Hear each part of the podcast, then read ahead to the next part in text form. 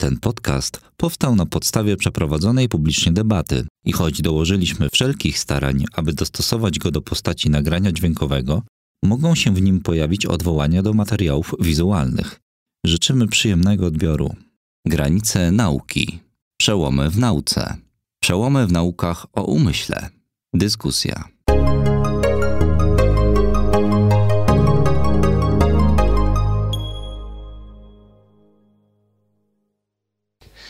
Dzień dobry Państwu, nazywam się Łukasz Kwiatek. Bardzo mi Państwa miło przywitać na już ostatnim spotkaniu z cyklu Granice Nauki, Przełomy w Naukach.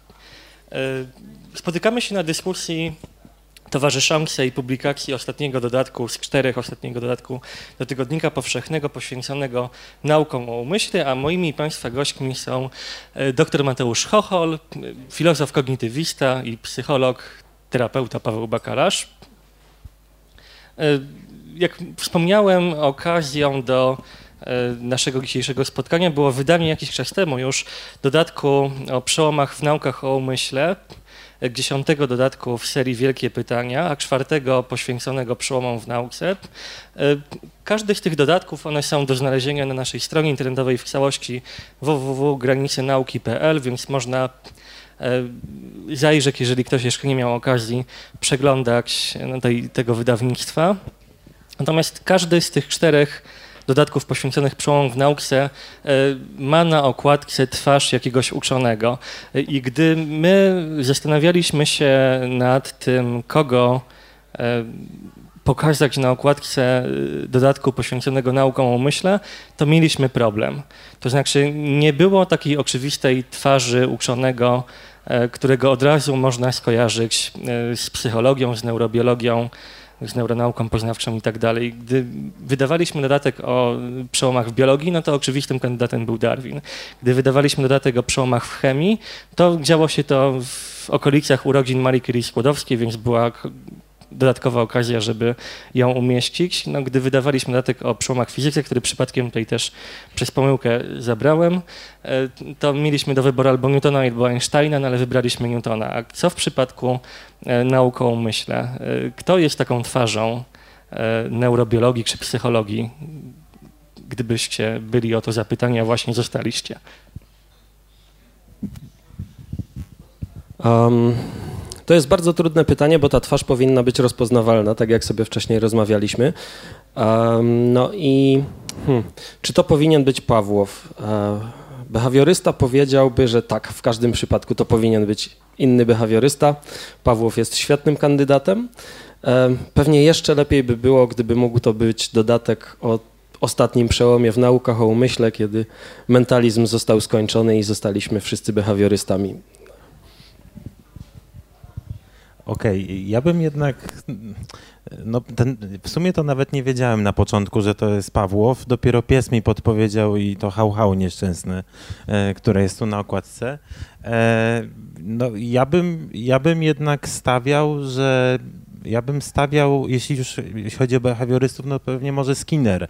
E, pytanie, czy to miałaby być szczęśliwa, czy nieszczęśliwa postać, bo gdyby to miała być postać nieszczęśliwa, to znaczy wpływająca i taka bardzo nośna, ale no niekoniecznie powiedzmy z dzisiejszej perspektywy mająca rację we wszystkim, przynajmniej co mówiła, no to pewnie bym tego nieszczęsnego Freuda Zygmunta jednak wrzucił. Wszyscy by wiedzieli o co chodzi, e, no wiele jego poglądów się zachowało, no przemycił jednak tą nieświadomość poznawczą, no ale też no, trochę bajek naopowiadał. No nie, nie wiem, ty pytasz, kto jest tutaj moim idolem, czy coś takiego, bo, do, bo, bo to się to może do, do, tego trochę sprowadzać. Nie, pytam o innych kandydatów. Kogo, kogo uważasz za taką przełomową mhm. postać? To znaczy, ja bym czy... pewnie stwierdził, że było tych przełomów kilka i mógłbym e, zrobić raczej taki kolaż, że pokazałbym to powiedzmy szkołami. No, kto z behawiorystów, no ja bym pewnie powiedział Skinner, no ale to Paweł jest specem. E, kto e, z powiedzmy analityków i tych, którzy no, mówili o jakiejś głębokiej nieświadomości umysłu, no to pewnie Freud. Ktoś z mojej działki, którą ja się zajmuję, czyli psychologii poznawczej, no to miałbym pewnie problem. Może George Miller. By the way, wiecie Państwo skąd, dlaczego w ogóle my badamy ludzi?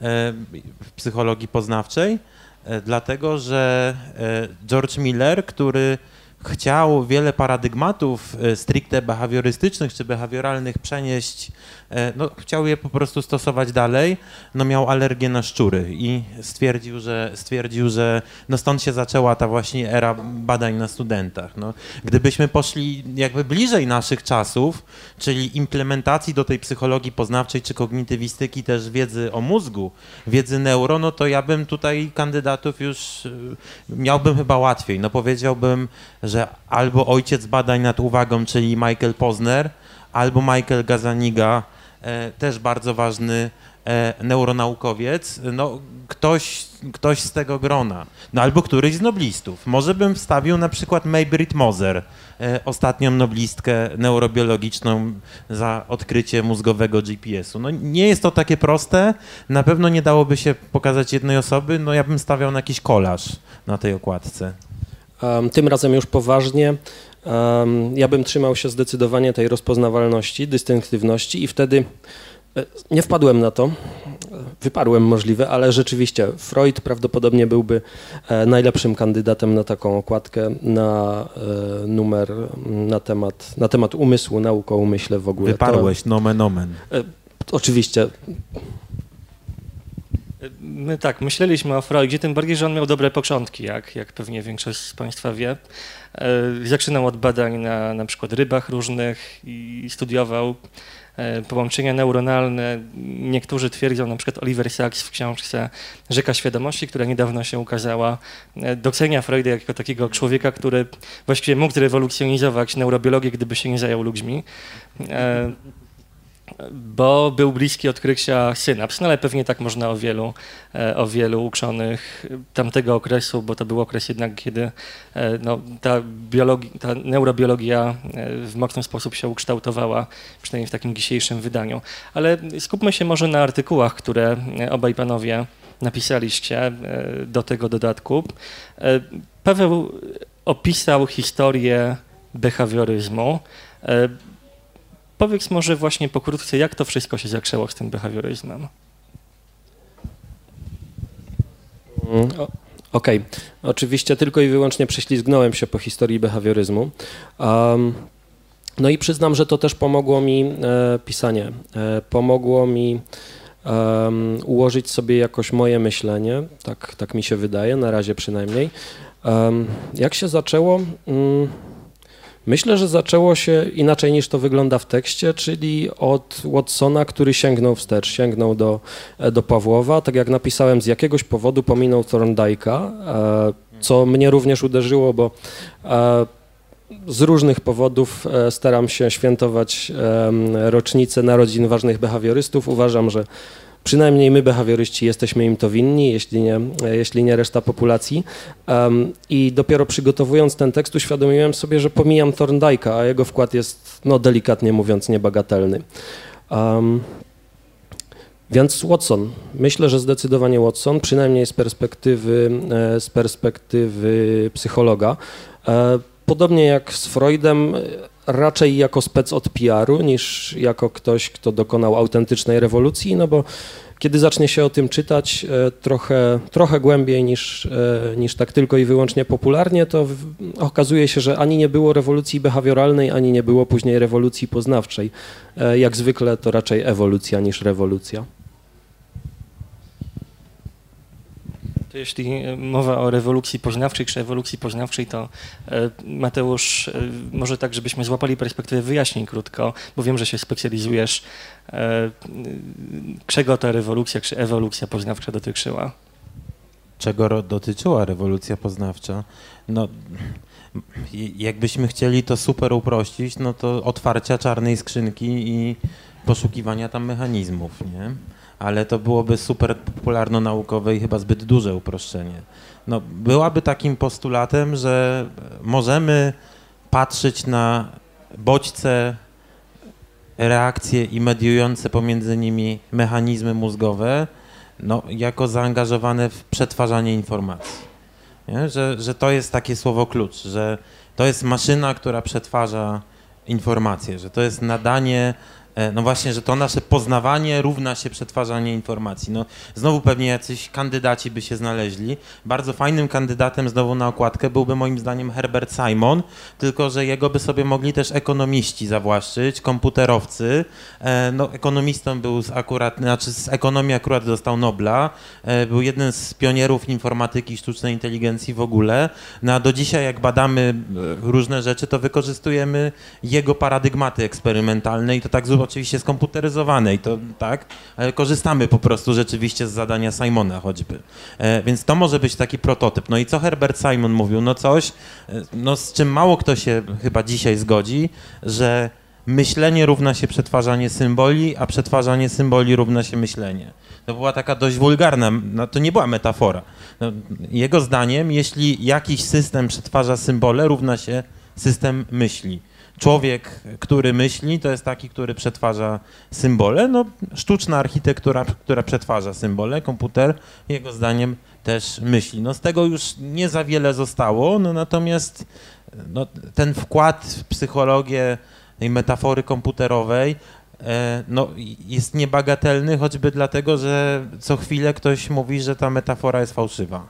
A więc to znaczy, że to znaczy, że no, coś, nawet jeśli coś nie jest na rzeczy, to to jest bardzo takie wryte w nasze myślenie o myśle współcześnie. E, przewinęła nam się tutaj e, ta czarna skrzynka. Oczywiście behawiorysta nie może się e, nad tym nie zatrzymać i nie powiedzieć, że no, współcześnie Współcześnie nigdy nie wierzyliśmy w czarną skrzynkę, czy może za Skinnerem przestaliśmy wierzyć w czarną skrzynkę. Po prostu to wszystko jest zachowanie, jak też ładnie mi wyciągnięto z tego tekstu, e, umysł jest zachowaniem, czy też zbiorem zachowań i z naszej perspektywy mało prawdopodobne, żeby, e, żeby był źródłem zachowań, a raczej jest e, wiązką zachowań do wyjaśnienia. Natomiast wyskakując na moment z historii, na pewno e, postać, która, którą są w stanie e, zawłaszczyć sobie, czy do której są w stanie się odwołać zarówno ekonomiści, e, teoretycy sztucznej inteligencji, czy psycholodzy, czy, czy ktokolwiek jeszcze, jest absolutnie bezcenna i wspaniała. I tu znów behawiorysta może się odezwać, no bo jak, jak starałem się zasygnalizować na koniec, jak to teraz współcześnie z nami wygląda, E, to odnajdujemy się dokładnie w tych miejscach. Odnajdujemy się w takiej behawioralnej ekonomii behawioralnej, czyli e, niekoniecznie koło Kahnemana i Twerskiego, których ekonomia behawioralna jest poznawcza. I większość podręczników ekonomii behawioralnej jest oczywiście poznawcza, co dla niektórych z nas jest troszkę smutne, kiedy przeglądają indeksy tych podręczników, niemniej. A tak samo znajdujemy odniesienia e, do uczenia się ze wzmocnieniem, chociaż podobno, bo to dopiero zaczynam śledzić, podobno w takiej pawłowowskiej wersji, dość zaprzeszłej, e, we współczesnych e, metodach uczenia maszyn, we współczesnej sztucznej inteligencji. Więc tak, jak najbardziej. Ale to co wobec tego zostało z tego e, tradycyjnego behawioryzmu? Czy on całkowicie zszedł na margines, a te nowe dziedziny, jak ekonomia behawioralna, znaczy na ile one czerpią rzeczywiście z tego, z tego rdzenia? Mm, jeśli przez tradycyjny behawioryzm, a myślę, że możemy, nadal będziemy rozumieć Skinnera, no bo to jest ten rdzeń behawioryzmu, to zszedł na margines na pewno dla psychologii, niestety, e, czy, czy w takiej percepcji społecznej. Natomiast, natomiast nie chciałbym przestrzeliwać z tym uczeniem się ze wzmocnieniem, uczeniem maszyn, bo tu jest duża szansa, że informatycy po prostu nie znają tej części historii, nie znają e, tego, co radykalni, czyli skinnerowscy behawioryści wymyślili. Um, Natomiast ekonomia behawioralna w wersji behawioralnej to jest po prostu ciąg, e, ciąg dalszy e, myśli Skinnera. E, logiczne następstwo i rozwinięcie tego, cośmy opracowywali no, dobrze od lat 30., a później rozwinęło się ładnie w latach 60. i 70., więc w tym sensie jest absolutna ciągłość. Trochę pewnie inaczej jest może nie trochę inaczej. Hmm. Sytuacja jest bardziej skomplikowana w psychoterapiach behawioralnych, bo um, ja jestem terapeutą, ale specyficznym, nie psychoterapeutą, e, terapeutą osób niepełnosprawnych. E, to się robi trochę inaczej. E, natomiast w psychoterapiach behawioralnych, które u nas funkcjonują najczęściej jako terapie poznawczo-behawioralne albo terapie behawioralne trzeciej fali, no one są tam Ha, w teorii odwołują się tak, jak się z nimi zapoznałem i, i, i, tak jak to rozumiem, odwołują się rzeczywiście też do Skinnera, do stosowanej analizy zachowania, natomiast są zdecydowanie przełamane innymi nurtami e, najczęściej, chyba najczęściej. Jest to pewnie podejście humanistyczne i egzystencjalne. E, no, na pewno są w pewnym luźnym sensie eklektyczne, ale nie chciałbym się też wypowiadać, nie chciałbym tu tworzyć e, fałszywego obrazu tego, bo po prostu nie jestem, nie jestem od tego specjalistą. Na pewno odwołują się też do bardzo zaawansowanych i współczesnych analiz języka, które też z kolei wyszły wprost od E, od stosowanej analizy, e, od analizy zachowania, może nie od stosowanej, od analizy zachowania, czyli od tej myśli skinnerowskiej. Więc jeśli chodzi o behawioryzm jako taki, to jest ciągłość e, na linii, no przynajmniej Watson, Skinner i, i bardziej współczesne nazwiska, na przykład Hayes, na przykład Racklin, ten pierwszy to psychoterapia, powiedzmy, czy, czy początki, czy pójście w kierunku psychoterapii, a drugi to e, ekonomia behawioralna. E, natomiast jeśli chodzi o właśnie tę rodzinę, to drzewko behawioryzmu, no to rzeczywiście jesteśmy troszkę na marginesie. Pewnie, pewnie zaczynamy się pojawiać właśnie od strony psychoterapeutycznej. Tak mi się wydaje ja tutaj super, bardzo, się, bardzo mi miło słuchając Pawła, fajne rzeczy opowiada, ale dla mnie to jest niesamowite, że on my cały czas, że, że on czuje tą przynależność grupową. Dawno nie gadałem z nikim takim, to jest dla mnie bardzo fajne i absolutnie nie szydzę teraz. E, spróbuję chyba coś pociągnąć, bo ja tak nie mam żadnej tam przynależności. Ja, mnie interesuje jak nasze umysły tworzą matematykę, korzystam w tym z, głównie z metod psychologii poznawczej i mogę się wypowiadać na gruncie mojej jakiejś tam praktyki, tego co, co teraz robię i tak dalej, no to ja myślę, że psychologia poznawcza behawioryzmowi to jest taki trochę paradoks, że ja nie lubię tych izmów wszystkich, no, z współczesnej perspektywy to trochę trudno utrzymywać, ale no, o ile psychologia eksperymentalna narodziła się gdzieś tam pod koniec XIX wieku, gdzie niemieccy psychologowie zaczęli no, jakoś tam reżim naukowy nadawać starodawnym dociekaniom, no to e, o ile mówi się często, że psychologia poznawcza e, gdzieś tam zrodziła się w opozycji do behawioryzmu, ale się zupełnie zgadzam z Pawłem, że to raczej była ewolucja. Są tacy dziwni behawioryści typu, nie wiem, Tolman, co do których, no ja bym powiedział, że to był super psycholog poznawczy, a w Wikipedii, a w Wikipedii funkcjonuje jako behawiorysta. No, jakby, dla mnie to nie jest żaden problem, natomiast co chcę powiedzieć, no że... E, jeśli nawet odrzucono jakieś tam założenia dotyczące natury ludzkiej, czy funkcjonowania umysłu, czy nie wiem, jakieś metanaukowe, filozoficzne założenia, które tak naprawdę nie są w ogóle istotne dla prowadzenia badań, no to behawioryzm e, no, dał psychologii porządną metodologię badawczą i e, no, ktoś, kto będzie się śmiał z behawiorystów, będzie mógł to robić tylko dlatego, że wykorzystuje metody opracowane przez behawiorystów. No, to, co my robimy, czyli no, głównie eksperymenty polegające na e, badaniu czasów reakcji na jakieś bodźce, no to to jest coś, co zrobili behawioryści po prostu. Więc no, współczesna psychologia eksperymentalna, cała, także neuronauka poznawcza, no bo niezależnie czy wykonam jakiś eksperyment no, siedząc tak przed komputerem, czy, czy osoba badana będzie to robić w rezonansie magnetycznym, no to no, szczelam tutaj, no w 99% przypadków, oczywiście są e, takie paradygmaty z free viewing, że coś komuś pokazujemy i patrzymy, co się dzieje w głowie, no, no to my tak naprawdę bierzemy czasy reakcji i porównujemy sobie z tym, co się dzieje w głowie, więc metodologia psychologii eksperymentalnej jest behawiorystyczna do dzisiaj po prostu i absolutnie nic nie wskazuje na to, żeby przestała być. Tak, taki bez, no sam się behawiorystą nie nazwę, ale moim zdaniem no, to jest tak naprawdę clue. To jest coś, co dało metodę badania mózgu, umysłu, zachowania. Możemy sobie to naprawdę różnie nazywać, ale no, badamy to, no, no, jeśli chodzi o eksperymenty przeprowadzone w laboratoriach całego świata, no, korzystając ze spuścizny behawiorystów, po prostu.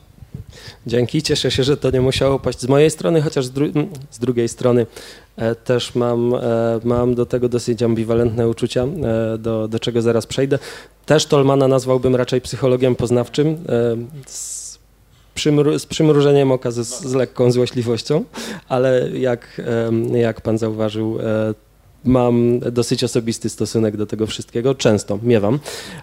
Natomiast tak, kiedy kiedy e, zacząłem swoje studia psychologiczne, e, jedną z rzeczy, która mnie uderzyła i została mi, jak widać, do dzisiaj w pamięci, e, był fragment wykładu jeszcze na pierwszym roku na wprowadzeniu do psychologii, kiedy dowiedziałem się właśnie, że ten behawioryzm nadal tam jest, że badania poznawcze nadal są robione według oczywiście wyewoluowanego, znowu rozwiniętego, ale paradygmatu, który stworzyli behawioryści, co dla człowieka, którego w psychologię w pewnym sensie wprowadziła jakaś taka popularna książeczka, której tytułu w tym momencie nie pomnę, e, wydana przez Rebis o badaniach E, chyba o badaniach nad świadomością, a na pewno e, wprowadzająca do psychologii i która przygotowała mnie do tego, że behawioryzm już dawno umarł, że Chomsky napisał swoją krytykę, wtedy Skinner się skończył, niemalże mógłby już popełnić samobójstwo, wszystko jest pozamiatane. Ja usłyszałem coś takiego,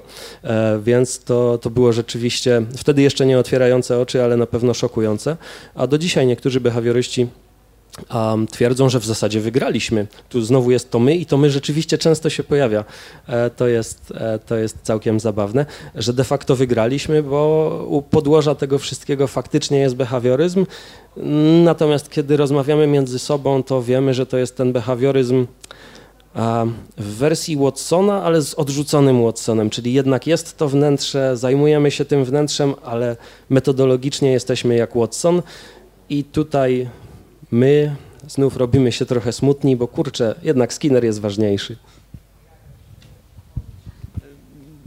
Współcześnie w ten umysł, w tą czarną skrzynkę mamy e, wgląd, dzięki, mamy możliwość wglądu, e, dzięki pojawieniu się nowych technik neuroobrazowania. Mateusz e, w tym dodatku opisał kilka z nich.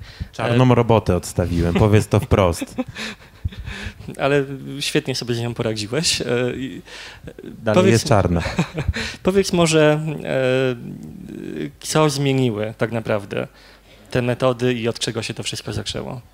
E, no to tak, muszę powiedzieć na początku od czegoś niekoszernego, że absolutnie nie jest prawdą, że jakakolwiek technika dała nam wgląd w umysł. Nie wiemy, czy coś takiego jest, nie wiemy co to jest, nie musimy wiedzieć co to jest. Możemy mówić, że go nie ma, możemy mówić, że jest, wszystko jedno dla uprawiania nauki.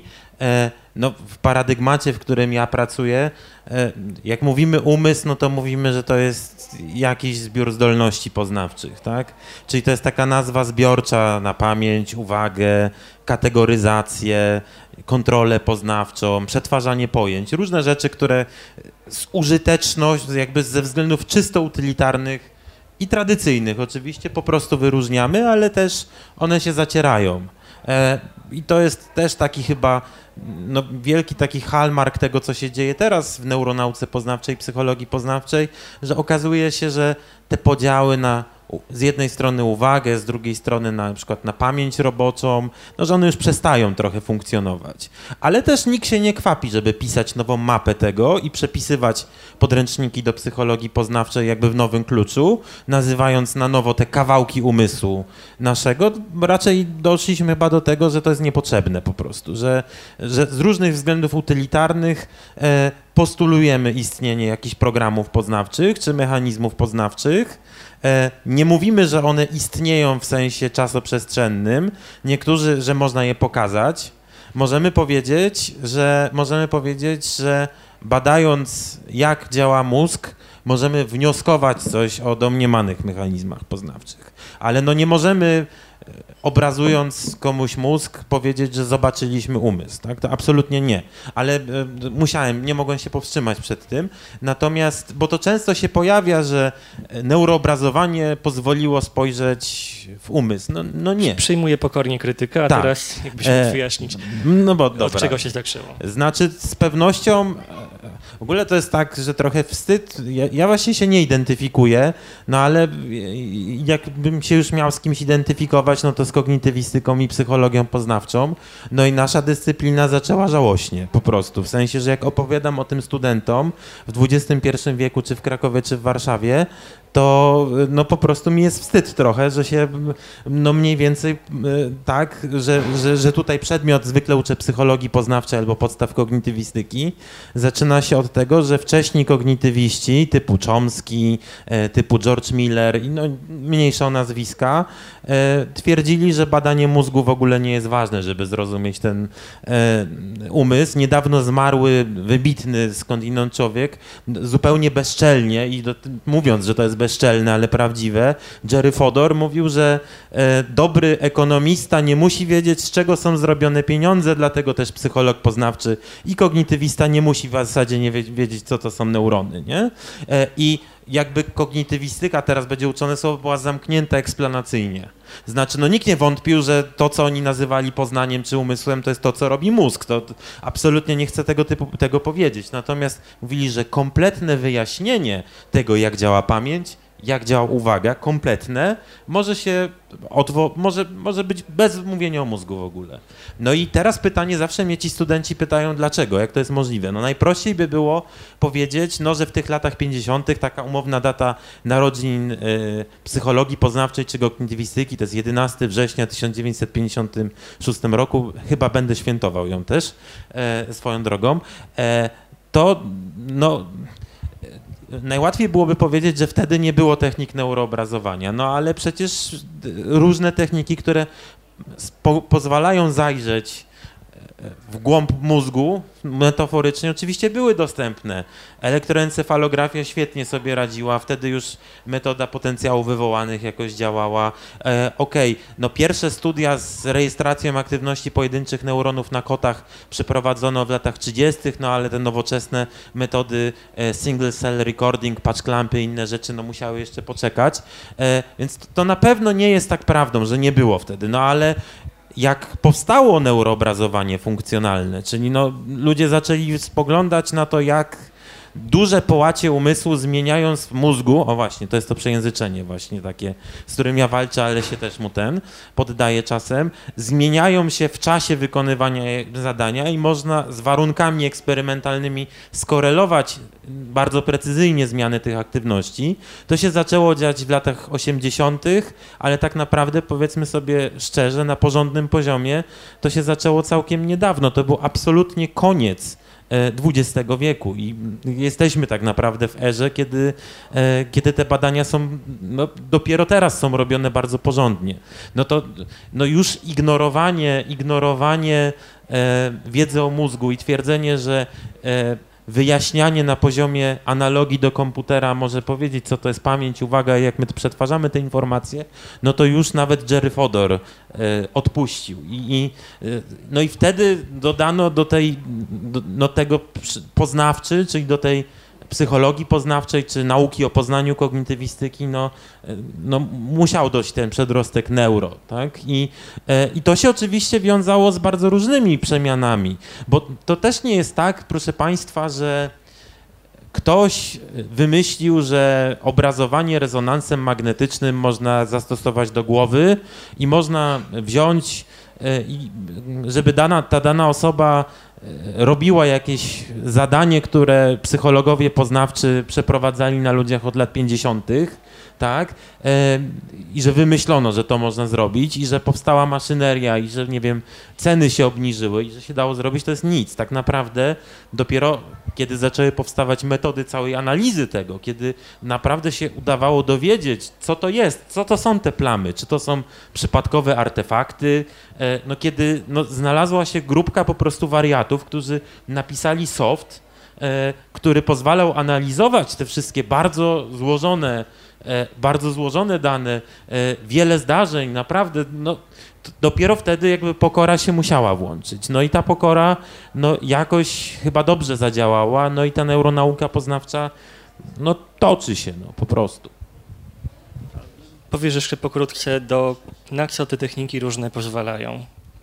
Wow, jasne. Kilka z nich, przynajmniej te najpopularniejsze.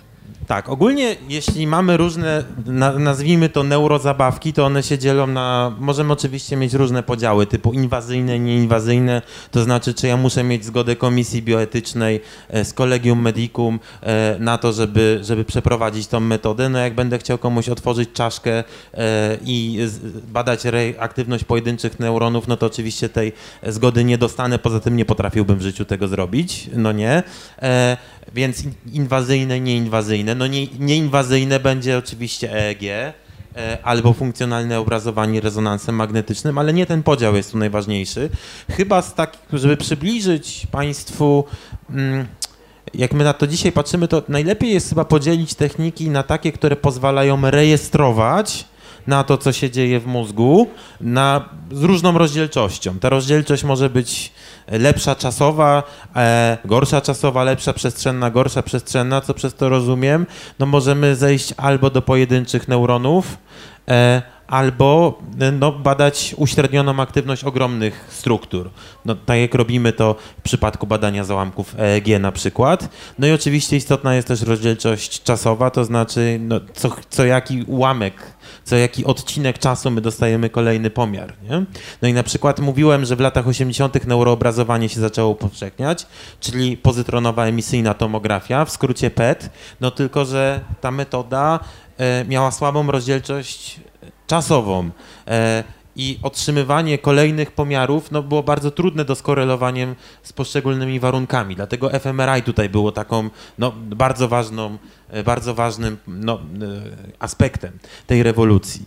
Ale są też metody, które pozwalają nie tyle obserwować, co się dzieje wewnątrz mózgu i robić to na przykład nieinwazyjnie, czyli bez zgody komisji bioetycznej, czyli nie robiąc nikomu absolutnie żadnej krzywdy, Druga grupa to są metody stymulacyjne, to znaczy my robimy coś z mózgiem, znowu robimy to, no, ograniczmy się do e, tego, co jest akceptowalne naukowo, czyli tego, co jest niegroźne, nieinwazyjne i tak dalej. E, I chwilowo możliwe jest zmienianie, modulowanie aktywności pewnych struktur, Potem przeprowadzamy co in, nic innego jak eksperyment behawioralny, słowo klucz, czyli patrzymy, jakie są na przykład czasy reakcji w przetwarzaniu jakichś słów i stąd możemy wnioskować, że dana struktura jest zaangażowana w przetwarzanie, nie wiem, zdań na przykład. Nie? I tego typu metody to jest choćby przezczaszkowa stymulacja e, magnetyczna czy TMS. Są oczywiście też e, różne inne narzędzia, ale co można zrobić? No można albo podglądać, co się dzieje wewnątrz mózgu, albo y, zmieniać, znowu muszę dodać, czasowo, odwracalnie, w sposób gołym okiem nieobserwowalny, tylko i wyłącznie widać to w eksperymentach behawioralnych czy w czasach reakcji, przynajmniej w normalnych badaniach się tak to robi. E, no i na tej podstawie wnioskować, co się wtedy w mózgu dzieje, za co odpowiedzialne są no właśnie tu zaangażowane struktury. No ja bym mógł tak godzinami, możesz mnie dopytać ewentualnie. Myślę, że na dopytywanie to jeszcze e, czas będzie ze strony Państwa, bo zaraz Państwa zaproszę do zadawania pytań, ale ponieważ sesji pytań już nie nagrywamy, e, to kilka słów na koniec naszego cyklu. Był to cykl, w którym przeprowadziliśmy 36 wykładów i 4 dyskusje, to jest czwarta właśnie. One wszystkie są na kanale YouTube. E, większy, wszystkie już są poza tą, która niedługo na kanale YouTube się pojawi, więc jeżeli ktoś z Państwa ma ochotę wrócić do któregoś wykładu, e, to zachęcamy. Wystarczy na YouTubie wpisać Copernicus Center albo Granice Nauki i łatwo można te wszystkie materiały wideo znaleźć. E, były to wykłady, dyskusje poświęcone naukom fizycznym, naukom chemicznym, naukom biologicznym i naukom o umyśle. E, albo zachowaniu. Albo zachowaniu, tak. To w zależności od tego, kto, kto, kto mówił. Na stronie granicy nauki.pl znaleźć można cztery dodatki do tygodnika powszechnego w całości w PDF-ach czy E, normalnie wrzucone na stronę, też do poczytania oraz 40 e, artykułów, e, które nie ukazały się w dodatkach, ale również poświęcone są przełomom w naukach o umyśle. Cały ten projekt udało się nam zrealizować dzięki wsparciu Ministerstwa Nauki i Szkolnictwa Wyższego. To jest nasz drugi projekt realizowany dzięki wsparciu ministerstwa. Po wakacjach będziemy Państwa, już teraz zapraszam do udziału w naszych kolejnych projektach. Również będą się odbywać wykłady debaty. Nie będziemy drukować dodatków w Tygodniku Powszechnym w ramach tego naszego projektu, natomiast będzie dużo materiałów wideo, które, szczegóły to już podamy może E, bliżej początku tego, tego projektu. My zaczniemy go zaraz po wakacjach, e, a dodam jeszcze tylko, że on się będzie, będzie nosił tytuł e, Nauka na żywo i chodzi nam zarówno o to, że część materiałów będziemy na żywo transmitować w internecie, część, część wydarzeń, jak i o to, że będziemy przyglądać się najnowszym dokonaniom naukowym, czyli odchodzimy od historii, będziemy się przyglądać temu, co się w tej chwili dzieje w różnych naukach. E, więc ja Państwu dziękuję bardzo i zachęcam teraz do zadawania pytań naszym dzisiejszym gościom. E, tylko proszę podnosić ręce, jeżeli ktoś jest chętny. Ja nie mam okularów, ale będę starał się wyczuwać e, ruchy. Taksja jakaś może być, kwiatku. Na razie nie, nie widzę chętnych, czy po prostu to mój wzrok nie, nie pozwala. Dobra, to jeżeli nie ma, nie ma chętnych na razie na, na pytania, to ja was pozwolę sobie jeszcze e, chwilkę pomęczyć. E, bo zaczęliście trochę mówić o, o, książkach. Powiedzcie może, jesteśmy w księgarni, e, jakie książki z dziedziny neuro, czy nauka o umyśle, które niedawno się ukazały, możecie polecić? Proszę, ja nie czytam książek, tylko artykuły, jeśli chodzi o naukę, y, ale coś może sobie przypomnę w czasie kolegę, że coś powie. Ja tu jestem oczywiście w gorszej sytuacji, bo nam tak jakby trochę mniej publikują. Um, przyznam, że nie wiem. Nie, może inaczej. Nie po naszemu, nie po polsku, e, ale niedawno e, na, na poletku behawioralnym wyszło kolejne wydanie Understanding Behaviorism, e, podstawowego podręcznika tego bardzo głównonurtego, głównonurtowego behawioryzmu um, akademickiego, eksperymentalnej analizy zachowania, eksplikacji tego, co powiedział był Skinner, także z zastosowaniem do kultury, czyli próba zastąpienia nieszczęsnej memetyki, która czasami jeszcze się chyba, prze, y, chyba gdzieś prze, przewija, pojawia, um, chociaż mam nadzieję, że, że jednak była umarła e, parę czy paręnaście lat temu, e, chociaż była modna. No i, i, może kiedyś nam to przetłumaczą, mam nadzieję. E, to ze świeżych rzeczy to mi przychodzi do głowy, ale po polsku przyznam, że nie wiem, no bo właśnie jeśli chodzi o nauki o umyśle, to to od dawna nie zaglądałem. Na pewno zasadzam się e, na, na Deneta, który pojawia się i wokół którego była oczywiście awantura, kiedy się tu pojawił. Belzebub tak zwany. Ponownie, dziękuję, że to nie ja musiałem to powiedzieć. To jest ciekawe, bo Denet pisze o memach, w sensie Denet jest... Kluczowym tak, teoretykiem tak, memów, tak, jakby tak. nie było. Jeden w sensie, no tak, jego książka jest w dużej mierze właśnie ta najnowsza e, poświęcona memom, ale chyba... E, chyba sam w ich istnienie takie rzeczywiste zdaje się, że nie wierzy. W sensie traktuje jako użyteczną metaforę. No dobra, no to jeżeli nie czytacie książek, teraz nie czytacie, to powiedzcie o klasykach, e, których gdyby ktoś się chciał e, no, przyjrzeć naukom o umyśle, to mhm. po kogo powinien sięgnąć? Po Deneta. E, I to, to, to nie jest tylko tak na łatwiznę pójście. Dennett to jest filozof.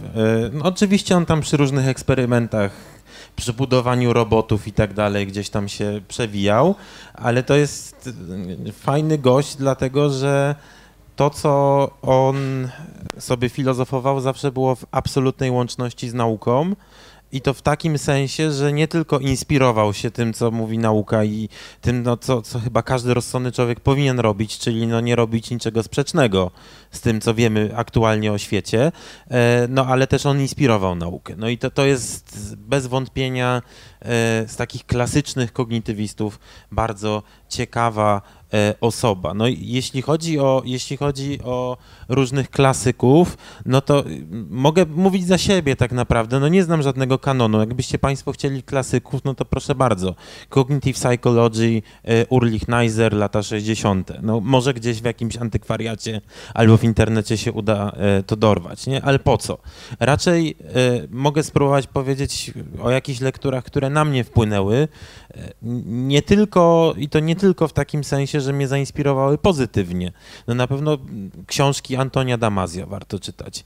No jest tam też za dużo powiedziane, pewne rzeczy są podkoloryzowane, no ale to pokazuje jednak jakąś tą rewolucję, która się, e, która się w dodaniu tego przedrostka neuro do psychologii e, jakoś tam e, pojawiła. No, ja co chwilę jestem ciekaw e, książek jakichś wielkich i co chwilę się rozczarowywuję e, w zasadzie. No, na przykład mam tak z książkami Michaela Gazanigi kolejnymi. Czekam zawsze, że, że to będzie coś super, no a dopiero ta ostatnia jego taka trochę autobiograficzna książka po polsku, chyba po obu stronach mózgu, czy jakoś tak, nie, nie pamiętam jak to przetłumaczyli, no, on trochę teraz po sukcesie Kahnemana wielu badaczy poszło tym samym tropem, zaczęło pisać takie swoje autobiografie naukowe. No, jak ja przeszedłem całą ścieżkę jako naukowiec do dzisiaj. No to, to jest rzeczywiście inspirujące. No, Kahnemana, mimo tego, że, mimo tego, że to nie jest taka ekonomia behawioralna, tylko raczej psychologia poznawcza, stosowana do pewnych zjawisk mikroekonomicznych głównie, też bym na pewno bardzo polecał. Rachlina bym polecał. To jest w ogóle też ciekawe, bo proszę Państwa, Rachlina wydało, e, kolega mówił o tym, e, bo, bo, ja miałem taki epizod, że się zajmowałem kontrolą poznawczą trochę, czy samokontrolą, no i no, skupo, chciałem skupić wszystko na rynku. No, no, jak to jest, że nasz, powiedzmy, mózg kontroluje samego siebie? No zacząłem skupować wszystko na rynku, no zobaczyłem, że jest Rachlin, behawiorysta, y, który, no, badacz gołębi, w ogóle super, no nie? Y, jest książka w stylu, no takiej samopomocy, jakieś wydawnictwo ekonomiczne to wydało, no zrozum swój umysł, ja to otwieram, a tam same wzory, no, wątpię raczej, że, że ta książka trafiła do tego targetu jakoś odpowiednio, ale no to też na pewno bardzo polecam. No i jeszcze o jednym chyba chcę powiedzieć w ramach e, bardzo jakby takie koło się trochę e, zatacza, bo e, początkowo psychologowie badali zwierzęta, żeby zrozumieć jak najwięcej człowieka. No skoro na przykład mechanizmy uczenia się są ogólne dla wszystkich, no to niezależnie czy badamy szczury czy gołębie, no to możemy wnioskować na człowieka. Nie?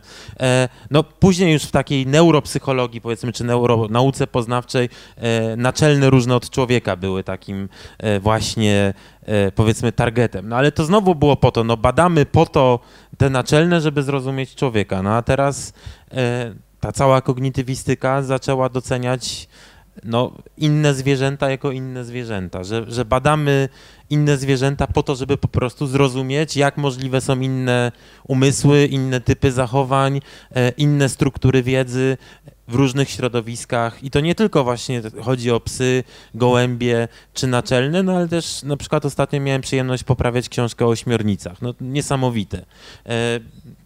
Książka, którą naprawdę super gorąco polecam. Nie wiem, kiedy ona wyjdzie. Nie robię absolutnie reklamy. Książka się będzie nazywać chyba Inne Umysły. Oryginalny tytuł e, Other Minds Peter, e, Petera Godfreya Smitha, e, biologa, filozofa chyba i nurka przy okazji, który bada te ośmiornice rzeczywiście. O właśnie, o tak, zapomniałem. To, to robię reklamę z czystym e, zupełnie sumieniem, że, że to naprawdę warto czytać. I chyba to jest właśnie przyszłość, że, e, że jednak to zrozumienie innych umysłów jako innych umysłów też może trochę nam powiedzieć o nas samym, ale jednak zupełnie tylnymi drzwiami. Więc to jest chyba, to są fajne lektury, jeśli już miałbym tak zupełnie osobiście polecać.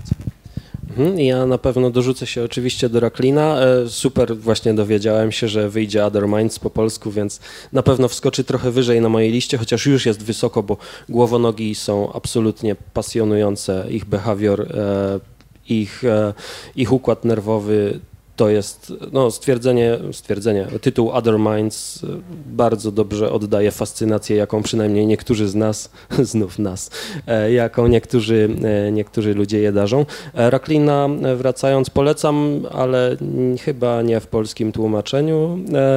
Tak, chyba zdecydowanie nie. I szacie graficznej. Tak, no pewnie szacie graficznej można dużo, dużo zarzucić. Na okładce na pewno jest promieniejący mózg, E, może metafora umysłu, e, więc przynajmniej była na czasie w miarę. E, ale, ale ze swojej bajki na pewno poleciłbym Behawioryzm, czyli tłumaczenie About Behaviorism Skinnera.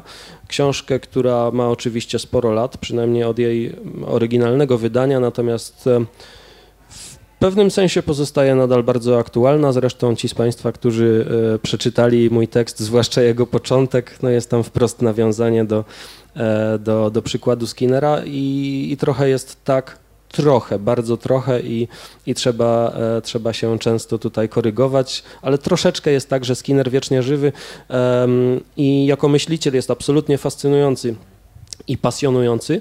E, ta książka powie, powie Państwu w zasadzie wszystko od miejsca dlaczego i gdzie, przynajmniej zdaniem Skinnera, Watson się mylił i przesadzał, aż do tego, co radykalny behawioryzm, przynajmniej e, na przełomie lat 60. i 70. mógłby próbować powiedzieć, albo gdzie mógłby zaczynać szukać, żeby móc mówić o praktykach ezoteryczno-mistycznych, e, czy, e, czy, czy, czy no, czymś, co jeszcze wyleciało mi z głowy. Zdaje się wpływie substancji psychoaktywnych na, e, na mózg, więc są to, na mózg, na behawior, więc są to na pewno absolutnie gorące tematy, bardzo współczesne.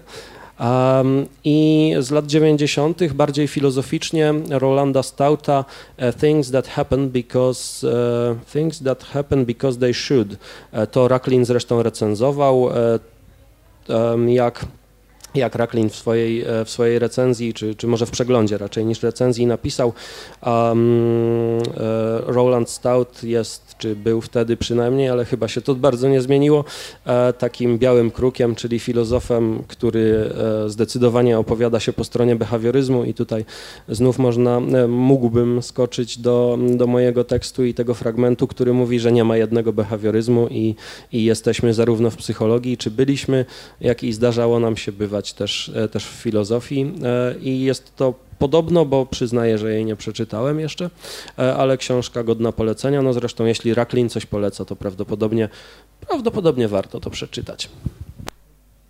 Mamy chyba pytanie, tak? Ja mam pytanie, czy sukcesy, jakie odnosi sztuczna inteligencja w tym momencie, machine learning, deep learning, czy one mogą się przełożyć w pewnym momencie na sukcesy neuronauki, na lepsze rozumienie naszego mózgu, czy dalej te dziedziny się zbyt rozjeżdżają, chociaż no, częściowo czerpią od siebie? E, czy jakby nie da się tego porównywać dalej i nie będzie można raczej? Ja się nie znam na komputer, znaczy nie, no dobra, to umiem włączyć, ale e, jeśli miałbym, nie, nie czuję się absolutnie specem, natomiast jedno, co mogę powiedzieć, to e, wiedza, e, okej, okay, biologia ogólnie neurobiologia w szczególności no nie jest taką nauką jak fizyka, dajmy na to, że mamy jakieś prawa podstawowe, podstawiamy sobie coś do warunków początkowych, no i wnioskujemy, co będzie. Nie, nie, nie formułuje się zresztą zbyt wielu praw w naukach biologicznych. E, ale też to nie jest tak, że e, działanie mózgu jest opisywane no tak tylko czystosłownie, że jednak e, no, nawet mógłbym wskazać źródła, które twierdzą, że e, jeśli chodzi o czasopisma takie topowe neurobiologiczne, no tak 70-80% tego, co się dzieje, to nie są tylko i wyłącznie nieeksperymentalnych artykułów, to są modele komputerowe, z którymi jest wiele problemów zresztą. Ale e, to jest zupełnie na inną bajkę, może kiedyś kolega redaktor się zainteresuje. E, e w każdym razie tak, jest jasne, jak najbardziej można powiedzieć, że nawet jeśli szczegółowe ustalenia, bo to są powiedzmy, bo to nie chodzi o to, żeby zasymulować działanie mózgu. Tu chodzi o to, żeby znaleźć jak najbardziej optymalną metodę przetwarzania jakiegoś problemu. Czy ona będzie realistyczna biologicznie, czy nie, to jest inny problem. No ale jednak mamy nową maszynerię, e, nowy taki framework do tego, żeby opisywać działanie mózgu. I kto wie, zupełnie można wskazać wiele przykładów, że to jest przeszczepiane rzeczywiście i wielu neuronaukowców, nie wiem, e, typu Elias Smitha z Kanady, no można tutaj dużo, dużo opowiadać, że tak to się dzieje po prostu, nawet nie, że się będzie działo. To ja też tak na zasadzie, że nie znam się, więc się wypowiem. Dziękuję, tak. ja też tak zrobiłem. E, zakładam, że to, e, to mogłoby iść dwutorowo. Pierwszy tor też chronologicznie pewnie pierwszy, to zależy na ile, na ile nasze mechanizmy informatyczne modelują, modelują pewne struktury czy pewne ścieżki, które znamy z biologii, na ile jesteśmy w stanie przeszczepić czy, czy przełożyć biologię e, na, na mechanizmy AI, powiedzmy. A drugi tor, tak sobie myślę, to może nie odpowiadać na Pani pytanie, ale właśnie przyszło mi do głowy, to kiedy już dojdziemy odpowiednio daleko, na ile będziemy w stanie z kolei um, kazać komputerowi zamodelować coś biologicznego e, i, i na ile wtedy już wyżej rozwinięta, czy jakoś tam rozwinięta AI będzie w stanie wymyślić więcej niż my jesteśmy w stanie na podstawie danych, które my jesteśmy w stanie uzyskać. Zapraszam do zadawania kolejnych pytań.